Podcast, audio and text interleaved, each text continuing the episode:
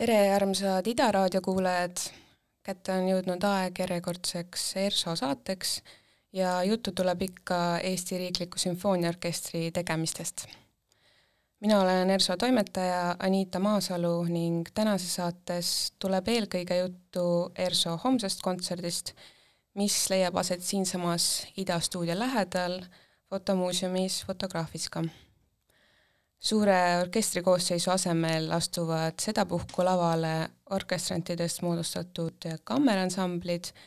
ja ettekandele tuleb kolm väga põnevat teost, millel juba peagi lähemalt peatun ning millest kuulame tänases saates ka katkendeid. samuti räägin veidi audiospa kontserdisarjast, kuhu ka homne kontsert kuulub. saates on täna ka külaline, ERSO orkestrant, viiuldaja Egert Leinsaar, kes ka homsel kontserdil üles astub peagi vestleme Egertiga nii tema muusikuteest kui ka homsest kontserdist. saate algul kuulasime viimast osa pealkirjaga A Final Shaking helilooja John Adamsi teosest Shaker Loops. esitajaks oli ansambel Modern ja salvestis pärineb neie, nende tuhande üheksasaja üheksakümne seitsmenda aasta albumilt Shaker Loops on ühtlasi ka meie homse kontserdi nimiteos ja selle kannab ette Keelpilli septett koosseisus Triin Ruubel, Piret Sandberg, Maaren Vihermäe, Helena Altmanis, Levi-Tanel Mägila, Andres Aleksander Metspalu ja Regina Udod. Shaker Loops on muuseas kõige vanem teos homses kontserdikavas, see on valminud juba aastal tuhat üheksasada seitsekümmend kaheksa. Kahel sõnal teose pealkirjas on äh, muuseas erinevad seosed Loops viitab äh, varaminimalistlikule linditsüklile, milles lühikesed ribad eelsalvestatud ja otsest kinnitatud linti võivad lõpmatult korrata kas siis vastavaid meloodia või rütmikujundeid. sõna shaker viitab aga Canterbury lähedal New Hampshire'is tegutsenud kristlikule shakerite sektile see kaheksateistkümnendal sajandil asutatud, kuid tänaseks praktiliselt hääbunud usulahk oli tuntud jumalateenistuste poolest, kus koguduse liikmed liitusid teenistusega läbi haarava füüsilise liikumise ja see liikumine meenutas värisemist. selle tantsuga jõuti jumalateenistuse käigus Jumalani John Adams on spekuleerinud, et äh, niisugusel liikumisel oli tegelikkuses ka erootiline tagapõhi. seda värisemist annavad Adamsi teoses edasi seitse keelpillimängijat. homne Fotograafika kontsert on osa ERSO audiospa kontserdisarjast. audiospa sai alguse möödunud hooajal ning kõik sarja kontserdid toimuvad tavapärasest hiljem ehk algusega kell üheksa õhtul. kontserdisarja idee pärineb äh, ERSO peadirigendilt Olar Eltsilt ja erilist tähelepanu pöörame sellega vaimsele tervisele. ka homse kontserdi eel algusega kell kaheksa kõneleb publikule EMTA teadur ja muusikapsühholoog Marju Raju, kes räägib muusikast, emotsioonidest ja muuhulgas tuleb juttu sellest, miks inimestele meeldib kuulata kurba muusikat. Olari Eltsi sõnul koondab audiospa sari parimat muusikat, mis viimastel aastakümnetel kirjutatud on. ta on audiospa sarjas kõlavat muusikat kirjeldanud järgnevalt. sarja audiospa kontsertidel kõlab ühelt poolt meditatiivne ja atmosfääriline muusika teisalt koondame sinna urbanistlikust energeetikast tekkinud ja alternatiivsete hoovuste piirile jäävat. muusika jääb vahemikku ehast Koiduni. lisaks kõlalistele rännakutele rändab audiospa sel hooajal ka eri kontserdipaikades. septembris alustasime väga menuka kontserdiga klubis Hall, mida kajastasime ka oma esimeses ERSO saates siinsamas idas ja sel nädalal suundume Fotograafiskasse. kuna tervele orkestrile jääb sealne ruum siiski pisut väikeseks, siis reedel saab laval kuulda ja näha just väikeseid ansambleid. ja kontsert ongi sedapuhku tervikuna pühendatud keelpillidele. esitusele tuleb kaks teost uue muusika absoluutsetelt suurnimedelt John Adamsilt ja Steve Reichilt ning nende kõrval kõlab ühe noorema põlvkonna Briti helilooja Dobrinka Tabakova looming. Fotograafika kontsert on osutunud väga menukaks ja homseks õhtuks on piletid välja müüdud, aga kontserti on võimalik kuulata ka Klassikaraadio ja ERSO tv vahendusel. järgmine võimalus audiospaast osa saada pole aga sugugi kaugel, nimelt juba seitsmeteistkümnendal veebruaril toimub Estonia kontserdisaalis sarja viimane kontsert, dirigent Joseph Swensoni juhatusel saab kuulda Jean Sibeliuse kuuendat ja seitsmendat sümfooniat, John Adamsi teoses Gnarly Buttons soleerib klarnetist Maximiliano Martin ning kõlab ka John Adamsi fanfaar orkestrile pealkirjaga Short Ride in a Fast Machine see on suurepärane näide helilooja postminimalistlikust stiilist. Niisiis, kes Haapsalu kontserdile piletit hankida ei jõudnud või kes soovib sarnastel muusikalistel lainetel veel edasi sõuda, siis juba vähem kui kuu aja pärast on selleks võimalus. kuulame nüüd aga taas pisut muusikat, kõlab äh, Georgi Ligeti tšellosonaadi esimene osa, mida homme on võimalik kuulata eelkontserdil algusega kell kaheksa ja seda esitab äh, Theodor Sink. tänases saates hakkab aga kõlama Gabriel Lipkindi salvestis.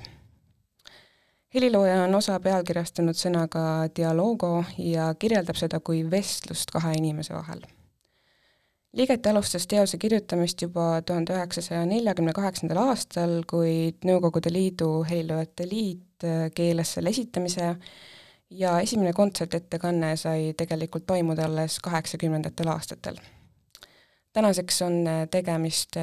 tšellistide repertuaaris populaarse soolopalaga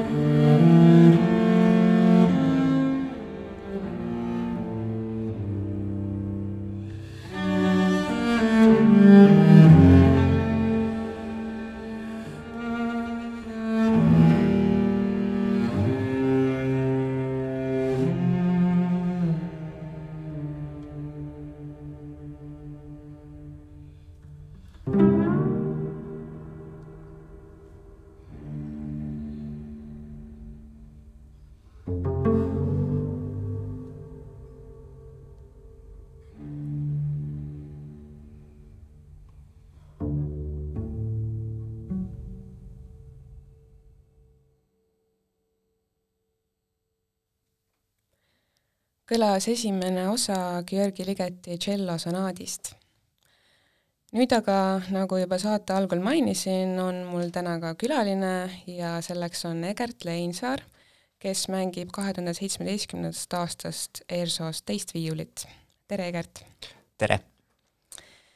küsin alustuseks kohe sellise tüüpilise muusikute intervjuude küsimuse, et et äh, kuidas sa viiulini jõudsid ja millal saabus see arusaam, et sellest võiks saada sinu karjäär? viiulini ma jõudsin nagu ikkagi paljud vist läbi huvihariduse, et eks tegelikult ma ei, ma ei ole muusikute perekonnast ja see äh, nii-öelda muusikakooli minek oli just selline nii-öelda avardav, avard, avardav tegevus ja siis äh, kuidagi kujunes niimoodi, et siis, kui muusikakooli lõpp paistis, siis siis mitmete inimeste, mitmete pedagoogide soovitusel paku-, noh, nii-öelda tekkis mõte, et seda võib-olla peaks jätkama. Ja siis mu haridustee viis mind Tallinna Muusikakeskkooli ja siis sealt edasine juba kujunes üsna ruttu, et et mulle see pillimäng nagu väga meeldis, aga seda võib-olla just, et kui, kui sa küsid, et, et karjäärina, et ma, ma arvan, et tegelikult kuni gümnaasiumi lõpuni ma seda võib-olla päris nii-öelda äh, ütleme nii, et ma valetaks, kui ma ütleks, et ma teadsin algusest peale, et ma, minust saab viiuldaja. aga, aga kuidagi äh, kujunes nii, et äh, peale gümnaasiumi lõppu ma võtsin osa siis äh, Tallinna Kammerorkestri konkursist, kus siis otsiti viiuldajaid ja, ja ja õnnestus siis endalegi üllat-, natukene üllatuseks õnnestus, et mulle pakuti seda tööd ja äh, ja siis ma asusin kohe põhimõtteliselt peale keskkooli asusin orkestrandina tööle. Ja võib-olla kõige suuremat tõuke või selles mõttes sellise nagu kinnituse, et see on nagu õige asi või õige tee või enda jaoks just, oli see, et kui ma umbes, ma arvan, et kaks tuhat kümme oli see esimene kord, kui ma käisin Euroopa Liidu Noorte Sümfooniaorkestris, noh, kuhu oli vaja ka kandideerida ja siis, siis nii-öelda ma sain nendega kaasa minna kevadturneele, mis siis vält-, vältas, ma arvan, neli või viis nädalat Euroopas ma arvan, et sealt ma sain selle motivatsiooni ja sellise motivatsiooni ja kindluse laengu, et, et see on tegelikult väga äge asi, millega nagu elus edaspidi tegeleda. milline üldse näeb välja ühe orkestrandi igapäev? võiks isegi öelda, et üllatavalt rutiinne, kuigi tegelikult meie töös mingit rutiini kui sellist otseselt ei ole. aga eks see noh, meil on siis, on ütleme siis ERSO näite puhul, et meil on iga päev on proovid ja siis, siis on see, enne proovi on alati ikkagi soov tulla täpselt samamoodi nagu sportlastel, et, et füüsis oleks, füüsis ja vaim oleks selleks nii-öelda töö tegemiseks oleks valmis, siis natukene enne seda tuleks, tuleks tulla juba kohale ja ennast lahti mängida, siis käib, siis on proov, mis siis on, kus terve kollektiiv siis tehakse proovi ja mängitakse pille ja ja kui siis proov saab läbi, siis hakkab see nii-öelda see individuaalse töö osa, ehk siis kas sa siis, kas me siis valmistume järgnevateks nädalateks ette või või, või siis kes, kui on näiteks lisaks orkestrile ka mingeid muid et, eh, esinemisi või etteasteid, et siis noh, sisuliselt ikkagi just see nii-öelda pilli harjutamine või nii-öelda see meisterlikkuse omandamine, et see on siis nii-öelda peale sellist ametlikku tööaja lõppu nagu sa juba mainisid, siis eh, enne ERSO-t eh, mängisid sa pikalt Tallinna Kammerorkestris ja oled kaasa teinud veel paljudes erinevates kollektiivides. aga mis motiveeris sind just ERSO-sse kandideerima? ERSO, ERSO-sse, ERSO-ga ma hakkasin juba kokku puutuma si-, rohkem siis, kui ma, kui ma juba töötasin Tallinna Kammerorkestris, et aeg-ajalt äh, siin-seal oli vaja mõnda haigestunud kolleegi oli vaja asendada ja, ja ja kui vähegi ajad klappisid, siis noore inimesena ikka haarad kõikidest võimalustest kinni. Äh, ja mingi aeg oli, olin ma seal ERSO-s päris tihedalt ja siis, kui avanes,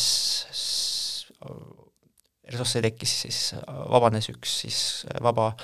orkestrandi koht nii-öelda viiulirühma, siis äh, kuidagi kõik asjad nagu klappisid. Et seal oli erinevaid põhjuseid, aga kindlasti oli ka see, et see, need, see repertuaar oli hoopis teistsugune ja, ja noh, kammerorkestril on ütleme niipidi, oma kõla, oma kõlavärvid ja seal on omad eripärad, aga noh, sümfooniaorkester on selles mõttes, et äh, noh, seal on juba detsibellide poolest, et see asi ikkagi on, on, on, on, on äh, suurem ja võimsam ja, ja neid nüansse on seal nagu rohkem, et et kuidagi liht-, jällegi, et, et lihtsalt nii-öelda asjalood läksid nagunii ja, ja siis ma võtsin sellest konkursist osa ja, ja jällegi mulle pakuti tööd ja ma võtsin selle rõõmuga vastu. sellega seoses on kohe paslik küsida, et äh, kuivõrd palju üldse töö erinevates orkestrites mängija jaoks erineb? ikkagi igal, ma arvan, et igal orkestril, kus ma siis olen kas töötanud või, või nii-öelda kas siis mõned nädalad või noh, mingi projekti teinud kaasa, et igal orkestril on, on oma kõla, mingid omad eripärad. Äh,, Äh, eks see org-, e-, orkester kui selline, see on ikkagi nagu niisugune organism, mis küll on hästi palju inimesi või noh, ütleme kammerorkestri puhul siis näiteks natuke vähem, aga see siiski, see elab kuidagi mingit oma elu ja et, et kuigi justkui tegevus on sama ja töö iseloom on justkui sama, aga ikkagi on, et hästi palju erinevusi on just selles mingisugustes pisikestes nüanssides, et ähm, alustades sellest, et kuidas orkester nii-öelda reageerib näiteks dirigendi auftaktile, et, et millal täpselt sisse astutakse, et noh, et need on sellised pisikesed asjad, mille peale võib-olla kohe ei mõtle, aga siis, kui sa asud nagu tööle kusagil, kus sa oled noh, peale seda, kui sa oled eelnevalt olnud kusagil teises kollektiivis, siis, siis need, need nüansid tulevad nagu välja. aga see ei ole, see ei ole midagi selles mõttes midagi ületamatut ja vaid, vaid just pigem et iseenda jaoks on nagu ka huvitav just nagu võrrelda ja, ja, ja kuigi need on nagu erinevad, aga, aga eh, et just eh,, kuidas nüüd siis öelda, et ühest, et ühe, ühe orke-, et ütleme, et alati on võimalik ühest orkestrist või teis-, ühest või teisest orkestrist tuua siis eh, mingisuguseid eh, noh, kuidagi üritada nagu parendada mingeid asju või, või nagu üle tuua. et see annab nagu, et mida rohkem sa erinevates kollektiivides mängid, seda nagu rohkem ka õpid iga päev sul on ERSO-s lisaks orkestris mängimisele üks ametikoht veel. räägi, mida see endast kujutab? ametlikult äh, on selle ametikoha nimi pillilao spetsialist, kui ma ei eksi, äh, aga, aga sisuliselt äh, see hõlmabki endas nii-öelda ERSO pillipargi haldamisega seotud küsimusi, ehk siis selline natukene võib-olla justkui igavam kontoritöö, aga, aga aga jah, et see ei, ei, seda ei saa võrrelda nii-öelda selle, selle laval toimuvaga ja kõige sellega, aga selline väike, väike lisa, väiksed lisaülesanded just nende ERSO pillide ja kogu sellega seonduva osas. sa tegutsed aktiivselt ka kammermuusikuna ja fotograafis ka laval oled sa minu teada vähemalt ühe korra juba esinenud nimelt möödunud aasta augustis festivalil Kammermuusika Fotografiskas, mis oli vist üleüldse esimene kord, kui klassikaline muusika Fotografiscasse jõudis. Kuidas see ruum sinu arvates kammermuusikale sobib? Fotograafiska sobib üllatavalt hästi, kuigi akustilises, akustika mõttes äh, see võib-olla ei oleks, ei, ei, ei saaks, ähm, ei, ei oskaks arvata, et see, et see tegelikult on väga meeldiv koht ja lisaks sellele, et et kammermuusika jaoks just see minu jaoks isiklikult on, on väga oluline see, kammermuusikat mängides on väga oluline see publiku mingi lähedus või selline teatud, see annab sellise teatud intiimse olustiku mis tegelikult mulle, mulle tundub, et on selle muusika just nautimiseks ja kuulamiseks ka selline vahetu kontakt esinejat, esinejate ja publiku vahel oleks nagu väga oluline. et tihtipeale, et, et loomulikult on kammermuusikat on võimalik esitada ka suurematelt lavadelt ja, ja aga minule, minu enda jaoks alati nagu tundub, et kui publik on kaugel, siis, siis justkui, et, et, et natukene kipub see adressaat nii-öelda ära kaduma, et siis on enda jaoks natuke raskem, et Fotograafika selles mõttes võimaldab just seda lähedal olemist ja ja see, see ruum ka akustilises mõttes, et, et just see üks kontsert, kus, kus mul siis oli ka au üles astuda, et võib-olla alguses oli natukene keeruline, aga tegelikult pärast siis, kui publik oli saalis ja, ja me hakkasime mängima, siis tegelikult ma leidsin ennast mõttelt, et, et on väga mugav ja väga hea ja see, kui nii-öelda, kui saal selles osas tekitab esinejates sellise tunde, siis see on juba väga hea alus, et tuleb hea kontsert. kas ja miks see üldse oluline on, et ERSO ka väljaspool Estonia kontserdisaali üles astub? Ma arvan, et see on väga oluline ja, ja just seda sellel põhjusel, et et me tegelikult, me tegelikult ei ole ainult,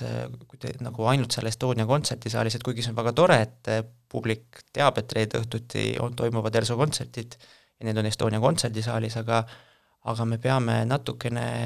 vaatama ka ringi ja, ja, ja seda on ERSO nüüd viimastel hooaegadel, me oleme siin, siin, ja seal nagu käinud, nii et Viimsi Artum tuleb kohe esimese asjana meelde. Ja kammermuusika puhul just täpselt, et see fotograafis ka, ma arvatavasti me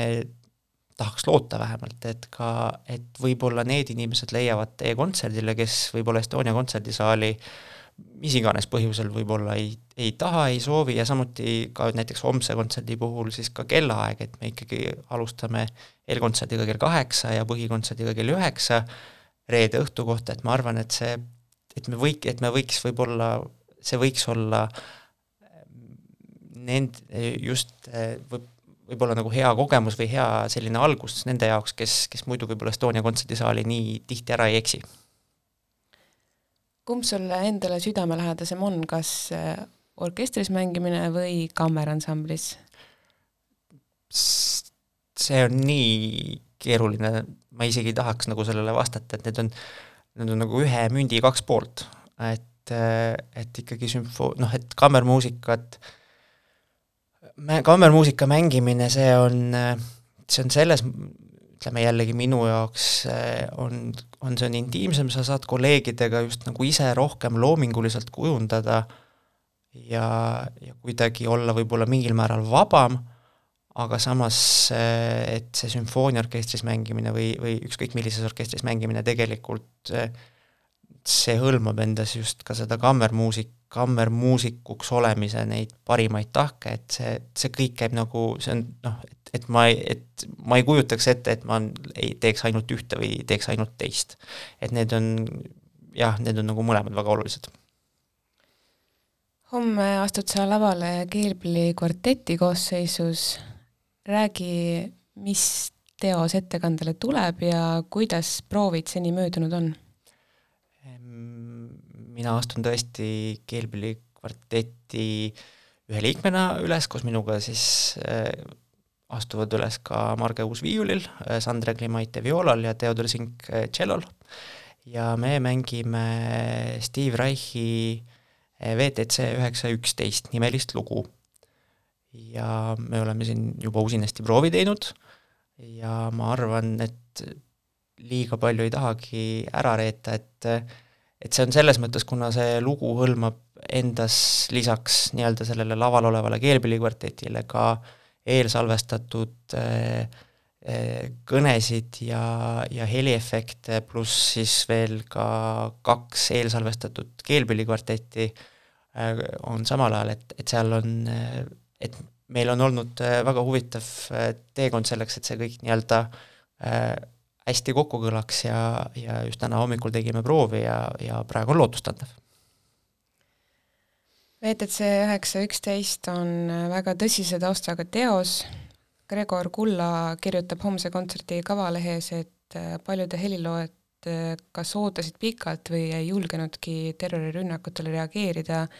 kuna tegemist oli niivõrd valuliku sündmusega. ka Reich kirjutas oma teose üheksa aastat hiljem ehk aastal kaks tuhat kümme ja ta on öelnud, et tegi seda eelkõige põhjusel, et tegemist oli tema jaoks väga isikliku sündmusega. nimelt tema poja perekond viibis äh, rünnakute ajal Maailma Kaubanduskeskusest vaid nelja kvartali kaugusel. kuidas see teos sind kõnetab?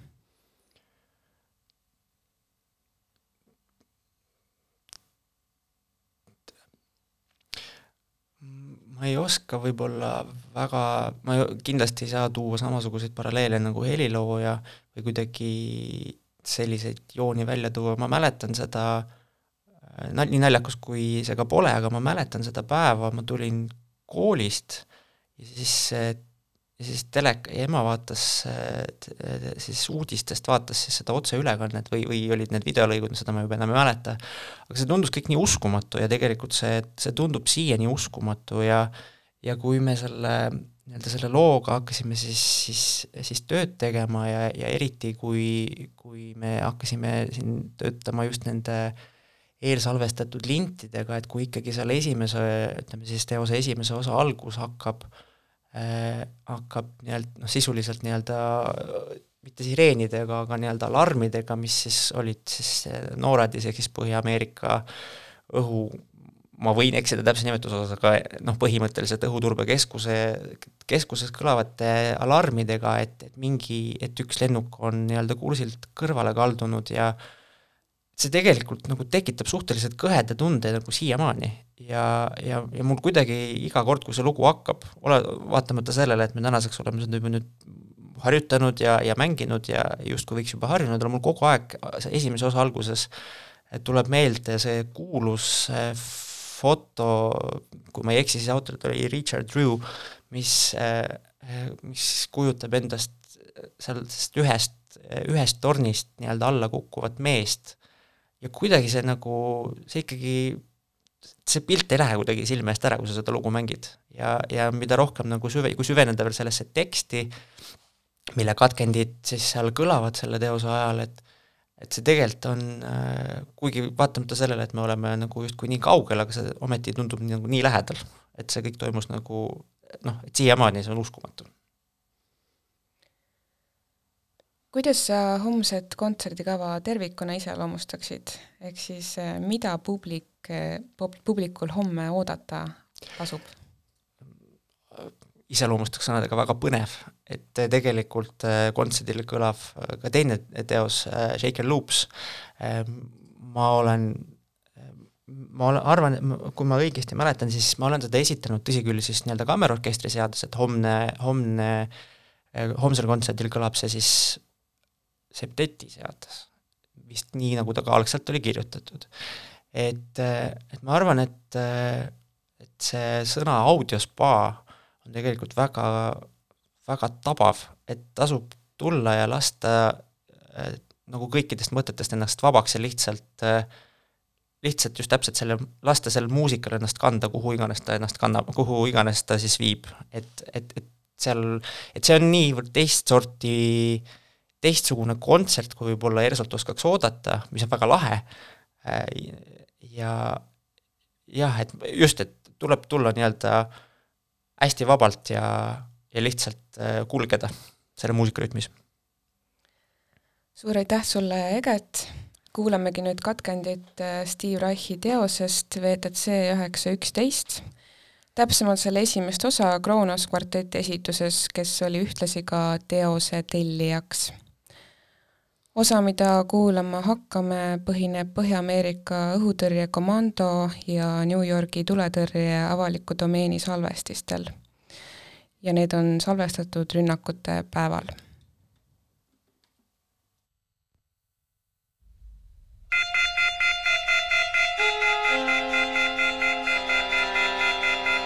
They came from Boston. On the airline.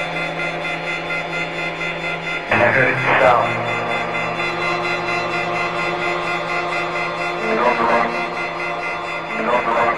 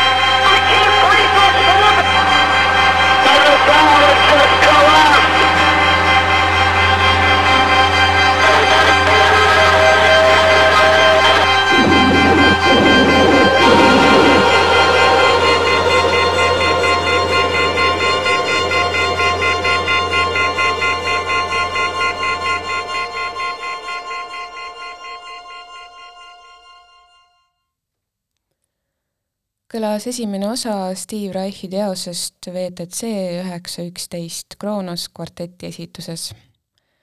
tervikuna on teost võimalik kuulata juba homme kell üheksa Fotomuuseumis Fotografiska või Klassikaraadio ning Kerso tv vahendusel. kui Reichi ja John Adamsi looming on Eestis päris hästi tuntud, siis kolmas helilooja, keda homme kuuleme, Bulgaaria briti päritolu Dobrinka Tabakova on äh, siinsele publikule tõenäoliselt pisut vähem tuntud.